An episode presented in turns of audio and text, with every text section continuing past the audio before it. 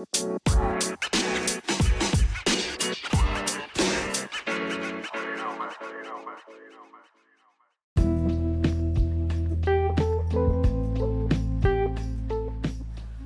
selamat datang kembali di podcast Sobrolan Mahasiswa. Di ini merupakan episode yang kedua setelah kemarin saya membuat episode yang pertama. Jadi by the way, saya membuat podcast ini sebagai ajang pengeluaran aspirasi dari saya maupun teman saya sebagai bentuk kegelisahan mas- mahasiswa mengenai pendidikan yang ada di Indonesia. Oke, malam ini hari ini saya tidak sendiri, saya masih ditemani teman saya yang masih juga berada di Thailand. Namanya Aryu. Halo Aryu. Halo, selamat malam. Gimana kabarnya? Mantap, ini soalnya mantap, luar biasa. Mhm. kita recordnya ini di malam hari. Sudah sekitar jam 11 kita baru record. Soalnya kita menggunakan alat seadanya jadi nggak mau nggak mau kita harus mencari suasana yang sesunyi mungkin. Oke, gimana kabarnya? Terus gimana hari-harinya di sini? Kabar baik baik. Em, karena kita juga jarang keluar kan di sini, jadi tetap aman dong. Jelas. Harusnya kita kita harus tetap taat sama anjuran sama dosen dan teacher di sini. Ya betul betul. Oke, terus ka- kita kan pulang tanggal 26 nih ya. Benar-benar ah, tanggal 26. Ya tanggal 26 terus sepertinya semoga saja penerbangannya nggak ada masalah dan diberi kelancaran. Amin. Ah. Terus ini kalau saya mendengar berita, membaca berita di Indonesia ini kan di Indonesia memang pembelajaran yang dilakukan oleh siswa maupun mahasiswa kan diubah sistemnya yaitu menggunakan sistem Online ya, daring ya, sekarang. daring. Mhm, mhm. Ini kalau menurutmu gimana ini? Efektif nggak?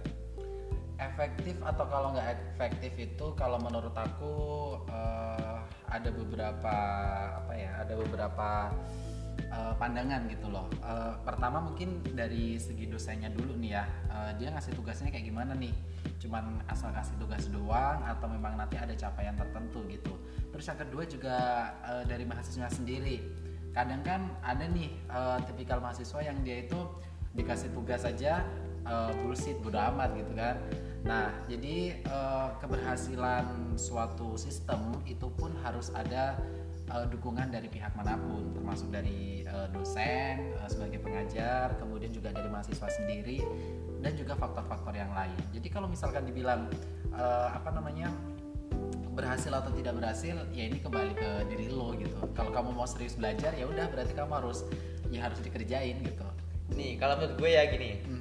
Setiap mahasiswa kan dia berasal dari daerah yang berbeda-beda nih. Iya benar-benar benar. Saya yakin ada yang juga datang rumahnya pelosok, ada juga yang daerah perkotaan. Lah, yang daerah pelosok kemungkinan besar mereka akan kesulitan untuk mengakses yang namanya internet. Internet, benar-benar. Nah, maka dari itu eh, menurut saya nih ya, menurut gue ini memang eh, efektif nggak efektif kita lihat kondisinya. Benar. Kalau memang kegiatan seperti ini dengan sistem daring ini dilakukan di perkotaan, saya yakin sangat efektif. Hmm. Namun apabila ada mahasiswa yang dia berasal dari daerah pedesaan Hmm. yang kemungkinan besar belum ada belum tersedia jaringan internet yang stabil, maka belum efektif. Jadi menurut menurutku gini ya, menurutku ini perlu dikaji ulang apabila ini menjadi hal yang terus menerus. Akan tetapi dengan kondisi karena seperti ini mendesak adanya virus Iya. corona, jadi ini kan sebenarnya nggak mau. juga apa namanya bukan bukan sebuah sistem yang nanti paten bakal dilakukan seterusnya begitu kan ini karena memang ada kondisi yang seperti ini lagian kalau apa namanya ngomong-ngomong soal eh, sistem pembelajaran media online bahkan sekarang ada kan nih kampus yang dia itu nggak pernah bertatap muka nih bro Iya. ya kan? nah bahkan eh, dosennya itu ada di luar negeri lagi Iya. ngapain tapi dia tetap bisa kasih materi Coba gitu. kampusnya apa? Apa? Iya benar benar benar. Heeh, bahkan aku juga pernah dengar ini eh, salah satu dosen aku ya. eh, dia itu nawarin kan, eh, kamu mau nggak ini nanti mau lanjut S2? Nah S2 ini dia dari luar negeri nih, dari tetangga sebelah gitu. Iya. Eh, inisialnya M. Eh, Oke oke, ya ya tahu tahu nah, tahu. Kemudian eh, ini kamu bisa nih kuliah di sini eh, tanpa kamu harus datang ke negara tersebut.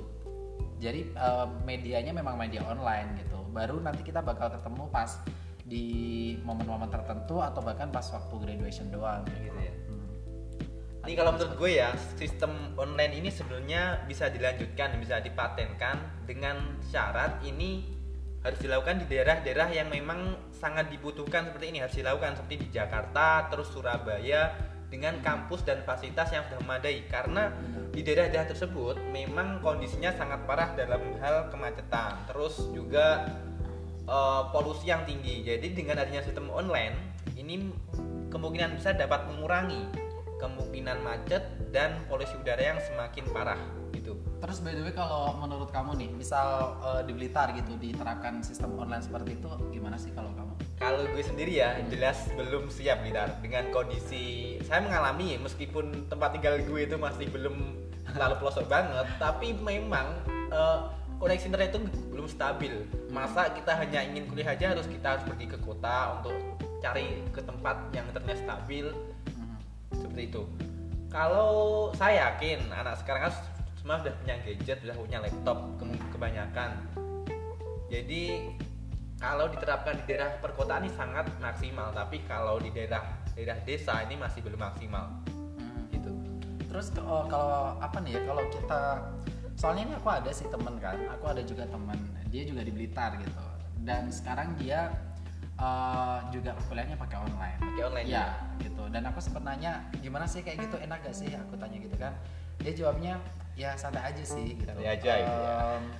Apa ya sebenarnya kalau menurut menurut temen aku ini hampir nggak ada perbedaan gitu. Hampir nggak ada perbedaan antara kita kuliah yang tatap muka dan tidak gitu. Lagian eh, biarpun kita kuliah tatap muka kan apa ya kadang cuma waktunya cuma sebentar gitu Iya, loh. ya juga. belum lagi kalau kita yang datang terlambat. Atau misalkan di dosen yang juga mungkin Iya. terlambat gitu kan.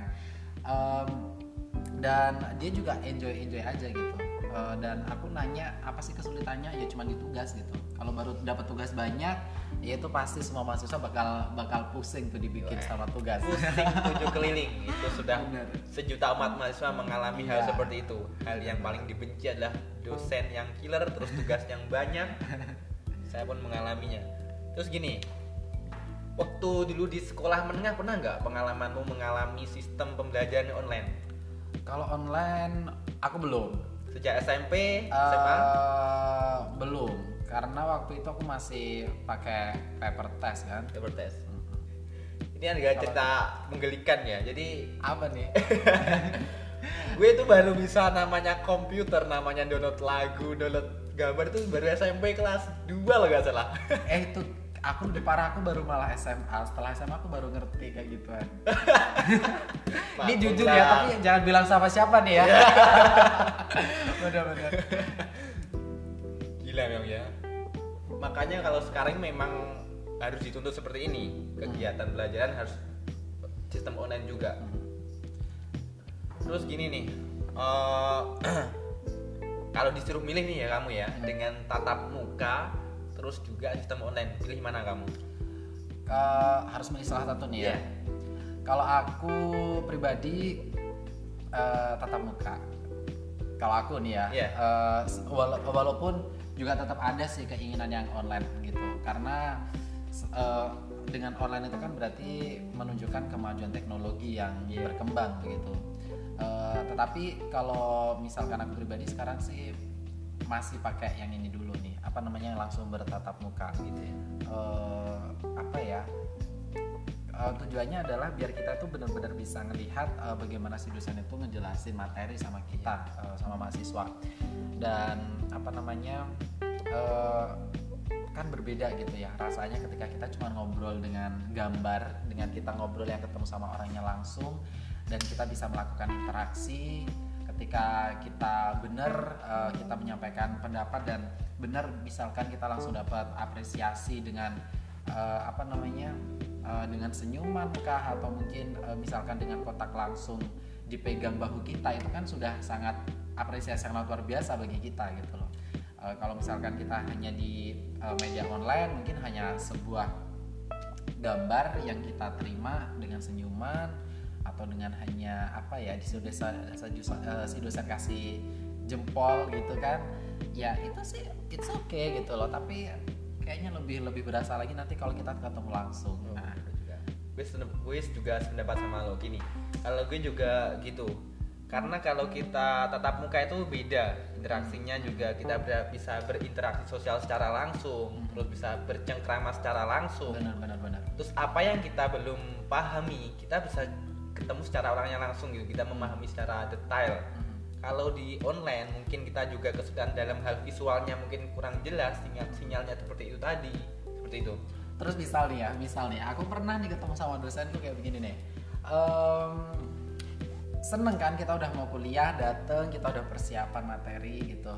Ternyata waktunya cuma sedikit karena ada kesibukan lain gitu. Iya. Kemudian em, yang harusnya eh, kita bisa bercengkrama, kemudian kita bisa bertukar pendapat lah atau mungkin eh, bisa bertanya sesuatu dengan si dosen, tapi waktunya tidak ada tuh. Nah, gimana nih kita menyikapinya? Waktu-waktu di kampusnya gitu ya Iya benar buat kita ketemu sama ini eh, sama si pengajar. itulah kenapa saya sebenarnya juga kadang juga gimana ya mau dibilang benci juga gimana kurang ah kurang gitu lah sama dosen yang kurang mementingkan kewajibannya gitu Benar-benar. Ada. Ada ya kayak gitu ya. ada lah kalau kita kita tanya ya mungkin kalau sekarang via WA itu kan juga balasnya mungkin lama terus dosennya juga punya kesibukan oh nggak mau sih kita harus dalam waktu sedikit mungkin kita harus maksimal mungkin dalam memaksimalkan waktu tersebut untuk bertanya untuk berinteraksi untuk Hmm, apa yang belum kita tahu kita tanyakan pada si, si dosen itu. Tapi nanti alhasil kita pasti akan diarahkan udah eh, cari aja di ebook atau mungkin kita carilah di ini di eh, artikel-artikel yang sebelumnya. itu lagu lama dongeng dongeng usang. Dongeng usang. Terus ini masalah juga kalau kita menggunakan sistem online ya. Hmm, terutama kalau eh, jurusan-jurusan yang di situ basisnya memang harus banyak praktikum. Betul. misal kayak jurusan yang gue yang gue tekuni nih di jurusan pertanian terus mungkin juga nanti teknik itu kan juga memerlukan yang namanya praktikum. Hmm, mau nggak mau itu harus harus tatap muka secara langsung. Hmm.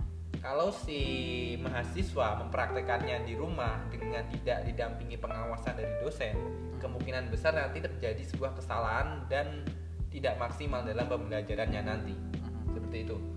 Eh, dari pengalaman gue nih ya, hmm. Gimana? memang eh, pembelajaran online itu kendalanya memang di situ. Hmm, memang kelebihannya kita bisa menghemat waktu, menghemat biaya transport, hmm. tapi kendalanya Kuota kalau tapi ada tetap nih keluar kuota, nih. ya kuota, kuota kan ke sekarang juga banyak, kuota internet kan juga banyak yang murah-murah. Nanti kalau terpaksa ya cari wifi, wifi ID Telkom 6000 Bener-bener. Dan itu yang biasa kita lakukan gitu kan Iya. sambil ngopi gitu. sambil ngopi bener-bener juga kalau untuk siswa kalau untuk siswa di Indonesia ya kan diliburkan sekarang Hmm, hmm. karena memang dari mereka kan belum terbiasa dengan ada. Saya belum melihat se- eh, di bangku sekolah dasar maupun sekolah menengah itu ada sistem pembelajaran secara online. Kamu pernah lo pernah kan nggak? Pernah lihat nggak? Em, kalau zamanku dulu belum ada, belum ada. Belum ada. tapi lo sekarang Kalau sekarang se- em, kalau sekarang kayaknya belum ada deh. Kalau yang diterapkan online itu baru baru baru di bangku kuliah nih kayaknya. Kecuali kalau kalau yang tugas-tugas biasanya disuruh kirimin eh, via email gitu baru ada sih kalau sekarang ya email anak-anak SMA gitu. Gitu ya. Hmm. ini kan dari pemerintah kan dua minggu ya untuk masa daruratnya Ah benar dua minggu. terus ada kemungkinan diperpanjang nih lah ini jangan-jangan nanti mau nggak mau kan jelas sistem onlinenya diperpanjang nih Ya, terus ada juga berimbas kemungkinan pada juga ujiannya. Terus bagi yang melakukan PKL mungkin juga bisa ditunda atau juga Nikah juga ditunda bro. ditunda. Resepsi harus ditunda dulu nih. atau gimana nih perasaanmu? Kamu kan katanya mau PKL Ah, gimana? Em, sempat panik sih, panik tapi juga senang. gimana Paniknya nanti kita nggak lulus lulus kapan nikah nih? ya pikirannya Iya iya. Terus kalau eh, senengnya, waduh, ini bisa-bisa ditunda dulu nih. Jadi bisa nyantai-nyantai dulu. Tapi ya, aduh, sampai kapan lagi nih kita mau nyantai-nyantai gitu kan? Hmm, ini harus segera diselesaikan juga. Ya, ya kita semua pasti berharap lah em, virus corona ini segera berlalu dan amin eh, keadaan keadaan semakin membaik dan bisa beraktivitas seperti sedia kala itu pasti sudah menjadi harapan kita semua gitu kan ya kita tinggal tunggu hasil em, dengan kebijakan pemerintah yang seperti ini kita ikuti saja terlebih dahulu dan semoga nanti hasilnya sesuai yang diharapkan Hmm. Ini ada sedikit tambah nih. Kalau kamu disuruh milih nih ya, Hmm. sekarang kan udah banyak tuh buku-buku yang diupload di internet, Hmm. Hasil penelitian juga upload di internet. Kalau disuruh milih tuh baca di layar sama di kertas tuh pilih mana? kalau misalkan aku sama aja sih Sama aja. sama aja sih tapi kayaknya kalau sekarang lebih ke layar aja deh Yakin gitu. Uh, uh, um, karena biasanya nanti kalau ke layar itu bisa ganti-ganti Oh, gitu. Uh, bisa ganti-ganti terus bisa juga nanti buka WA kan Kalau menurut gue itu malah sebuah hampa itu WA itu. Karena gini asik-asik baca, Ah, udah ah. kita udah masuk ke dalam situ, udah memahami, ting dong, aduh ada notifikasi, ada bikin notifikasi ganggu. masuk mau gak dibalas juga penting gitu. soalnya walaupun kita ngebaca di buku terus kemudian ada ada pesan notifikasi masuk juga pasti kita ngebuka itu dulu nih Tapi kalau di HP kan benar, nanti bisa disenyapkan atau HP-nya ditaruh di mana gitu. gitu. diumpetin dulu ya handphonenya gitu, ya, gitu. atau kalau nggak disuruh ngumpetin ibunya dulu Oh. Nih sedikit closing statement dari kamu Mhm. mengenai pembelajaran di Indonesia. Mhm. Gimana? Closing statement sedikit aja. Em, eh, bagian apa nih Bagian setelah kamu sistem pembelajaran mulai online atau offline, terus teknologi. Em, kalau ini karena kita topiknya adalah eh, sistem online gitu ya Iya. Kalau aku sih enggak masalah gitu, Eh, tetapi juga harus diimbangi dengan eh, dengan faktor-faktor yang lain gitu. Misalkan eh, dari ketersediaan gitu ya, karena eh, mungkin masih ada beberapa ada beberapa tempat atau lembaga pendidikan yang mereka itu sebenarnya sudah ingin me- menerapkan sistem teknologi eh, dengan online semacam itu, tetapi terkadang ketersediaan ketersiada ketersediaan koneksi internet itu juga Iya. masih dibatasin gitu Betul. gitu kan jadi ya semuanya itu butuh proses memang dan juga harus berimbang ketika kita ingin eh, lari kencang ya bagaimana eh, di sekelilingnya itu juga harus di eh, dipenuhin dulu gitu. Nggak bisa langsung diterapkan ini eh, kemudian faktor-faktor yang lain masih kurang diperhatikan. Jadi biar seimbang gitu. Dan nanti sesuai dengan apa yang diharapkan. Ini karena menurut gue ini pemerintah harus segera memploting nih kota-kota mana saja, perguruan tinggi mana saja, sekolah tinggi mana saja yang memang harus menerapkan sistem pembelajaran online.